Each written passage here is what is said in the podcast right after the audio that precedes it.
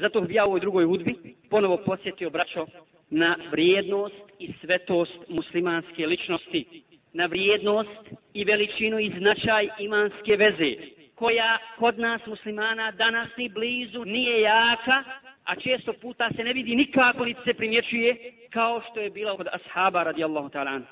I našu obavezu da čuvamo čast muslimana u svakoj situaciji, da pojačamo tu vezu koja će nas istinski ujediniti tako da ćemo se jedni pored drugih osjećati sigurno, a ne nesigurno kao što se danas osjećamo. Imanska veza, braćo, ima svoju vrijednost o kojoj Allah Đelešanuhu govori. A koja je to vrijednost?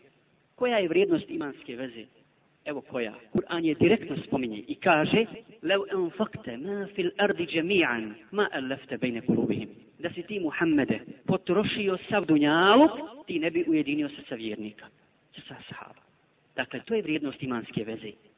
Sve dinare, dirheme, marke, eure i sve blago i zlato da si potrošio i kad bi bilo ko potrošio, Allaha mi ne može ujediniti istinski dva srca možeš i udružiti radi nekih dunjalučkih interesa. Ali da ujediniš dva srca da se istinski vole i poštuju i uvažavaju, ne, nema šanse. Praksa ashaba nam to najbolje pokazuje.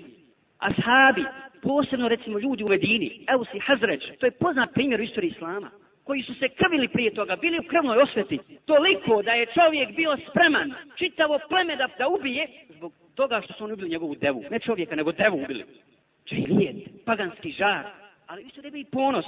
Međutim, kad su čuli Allahovu objavu, kad su čuli Allahove riječi, ja ejuhel ladine amanu takullah, svaki petke i ponavljamo i čujemo sa mimbera, ako ništa drugo. Ittakullaha haqqa tuqati. Bojte se Allaha istinskom bogobojaznošću. Wala tamutunna illa vantu antum muslimun. I ne umrite osim kao muslimani. Wa'tasimu bihablillahi jami'an. Svi se čvrsto držite Allahovog užeta. Wala tafarraku. I nikako se ne zadinjujte. To je ono što je njihova srca. Innamal mu'minuna ihwatun fa aslihu bayna akhawaykum. Zaista su mu'mini braća, pa popravite te veze, popravite ta stanja među vjernicima, izmirite vašu braću zavađenu. Dakle, ti ajeti su prodrli u srca sahaba i od krvnih neprijatelja stvorili najbolje prijatelje koji su dijelili jedni s drugima dobro i zlo. Ensarije su počastili muhađire, kuća popola i metak popola. Šta god hoće, šta ti god zatreba. Sve zajedno da dijelimo i dobro i zlo na ovome dunjaluku. A ne vrijeđati vjernike. I njihova deviza je bila kad se sretnu međusobno, braćo. Kad se sretnu međusobno, šta su govorili? Hajja bina nu'minu sa'a. Hajde da obožavamo Allah jedan sad. Da ibadetimo, da zikrimo, da učvršimo našu vezu. Mi bi danas mogli slobodno kazati, neko od ove skupine samo koja šuti, koji su vođe, političari i tako dalje, koji su kukavice, neko od ove druge skupine koja po svojoj formi ima islam, međutim, i kod takvih bi mogli slobodno kazati često puta, da je naša deviza životna, ne hajde da obožavamo Allah jedan sat, nego hajde ja bina na katav sat, hajde da jedan sat gibetimo braću. Hajde napadamo ovoga, da napadamo onoga. Ne samo obične muslimane, nego danas ima skupina koje je nenormalno, zbog svog džahilijeta Allahami, napadaju islamske učenjake. Napadaju one koji i život, i vrijeme, i krv, i znoj koriste i troše na Allahovom putu. A ta čast muslimana je sveta stvar svetija od Kabe, to smo čuli hiljadu puta. Kaže Psalm Selem, tako mi Allaha kada bi se nebesa srušila i zemlja se u prah pretvorila, to je kod Allaha lakše nego da se prolije krv muslimana. To je kod Allaha subhanahu wa ta'ala lakše nego napasti na život ili na čast jednog muslimana. Pogledajte koliko je jaka ta veza i koliko bi trebalo da do nje držimo. Šta će mušici reći?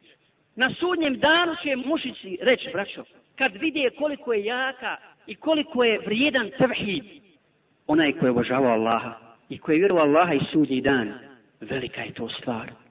Mušici kad vide kolika je nagrada za njih a kolika je kazna za širki kufr šta će reći? Wallahi ma kunna mušrikin. Reći Allaha nam nismo mi bili mušici. Slagaći ali znaju da lažu.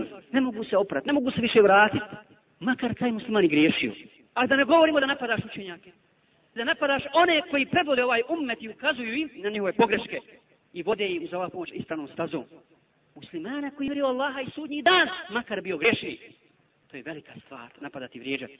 Zbog toga se nesigurno osjećamo jedni pored drugi. Makar bili zajedno u džamiji, makar izvršavali određene farzove. Zato što nema istinskog razumijevanja i primjene Allahovog šarijeta, a zato ćemo biti pitani. Znači, gore ti je da urediš muslimana, njegovu čast, nego da na sudnjem danu nosiš nebesa i zemlje. I to treba da imamo na umu. A to nemamo na umu, nažalost, braćo. I zato nas to košta. Zato nas može svak ponižavati.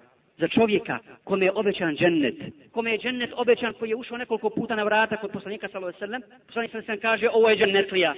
Znamo što ima kod sebe. Najveća njegova vrijednost i osobina bila je što je svaku noć lijegao čistih prsa u odnosu na druge muslimane. Nikom nije zavidio, nije lijegao da smržnjom prema muslimanima i tako dalje. Kažu neki islamski učenjaci, ovo mi se jako svidjelo, ovo je najniži stepen islamskog bratstva. Ništa ti nisam pomogao. Samo te ne mrzim i ne zavidim ti.